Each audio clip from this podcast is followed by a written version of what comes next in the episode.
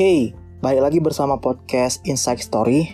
Kali ini kita bakalan ngebahas mengenai tema yang sering banget dialamin oleh orang-orang atau yang sering banget dialamin oleh halayak umum lah. Yaitu temanya itu merelakan orang yang masih kita sayang.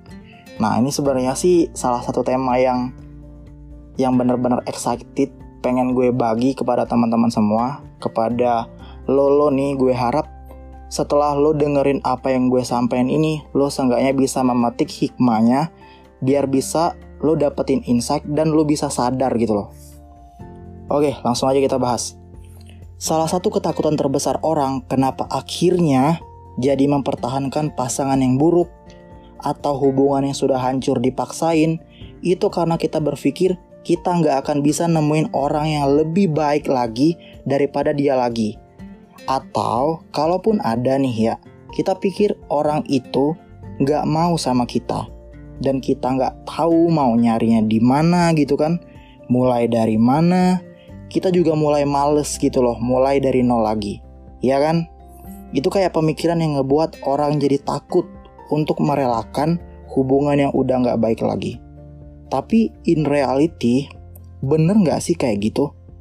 Bener nggak sih kalau nggak ada atau tidak ada orang yang lebih baik dari pasangan kita yang sekarang. Oke, kita telah lebih dalam lagi. Jadi gini, pasangan lo gak perlu melakukan hal yang buruk, yang jahat, yang menyakiti, dia jadi orang yang baik aja, selalu ada orang yang lebih baik di luar sana. Ini cuma kayak permainan matematika doang gitu loh. Jadi yang sebenarnya membuat kita itu terikat dan terpikat sama satu orang bukan karena dia yang paling baik di dunia ini, bukan. Tapi karena kita menutup mata kita, bukannya nggak ada orang di kanan kiri, bukannya nggak ada orang di belakang, ada. Tapi mereka memilih ataupun kalian itu memilih untuk ngelihat satu aja. Nah, alasannya kenapa lo nggak pernah ngelihat orang yang lebih baik di luar sana adalah karena lo nya sendiri yang nggak mau keluar. Lo terfokus sama satu aja, Walaupun dia buruk, dia jahat, walaupun dia suka berbohong, selingkuh, segala macem lo pertahanin. Ini aja, ini aja. Karena nggak ada yang lebih baik di luar sana. Itulah ketakutan kita kenapa kita pertahanin hubungan yang sudah toksik, yang udah rusak, yang udah disfungsional. Jadi gimana nih caranya biar kita bisa nemuin yang baik di luar sana?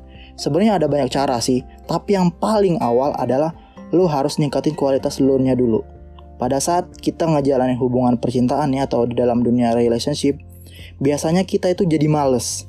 Kita malas merawat diri, kita malas membahagiakan diri kita, kita malas mengupgrade kualitas kita.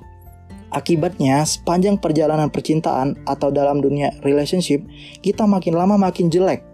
Bisa jelek dari segi penampilan, bisa juga dalam kepintaran. Bisa juga dalam segi pergaulan, kita makin lama itu makin tumpul, makin turun Nah, apa yang harus kita lakuin? Mulai dari langkah yang paling sederhana dulu deh. Tingkatin lagi kualitas diri lo, mulai banyak membaca, mulai banyak berolahraga, ikut komunitas gitu.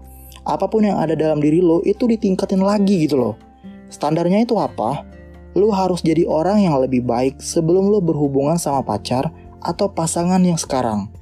Kalau lo bisa ningkatin kualitas itu, gue yakin pasti lo bakal ngeliat ada orang-orang yang lebih baik dari yang pernah lo temuin. Lo bakalan ketemu dengan orang-orang yang lebih baik kalau lo nya sendiri jadi orang yang lebih baik kan? Jadi ini sebuah dorongan buat lo, coba deh temuin lagi keberhargaan lo yang selama ini lo telantarin. Karena mungkin lo sibuk kerja atau sibuk memperbaiki hubungan yang sebenarnya nggak bisa diperbaikin lagi atau yang lain.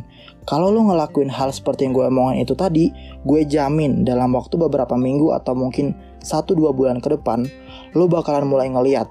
Ternyata ada loh orang-orang yang lebih baik daripada yang sekarang. Ternyata ada loh orang-orang yang lebih lucu, lebih pinter, lebih baik hati, dan lo bisa bahagia sama orang itu. Kalau lo mulai membuka diri lo, maka pilihan-pilihan yang gue sebutin tadi bakalan mulai masuk dalam hidup lo. Percaya deh sama gue. Mungkin itu aja untuk podcast tema kali ini. Bye. See you.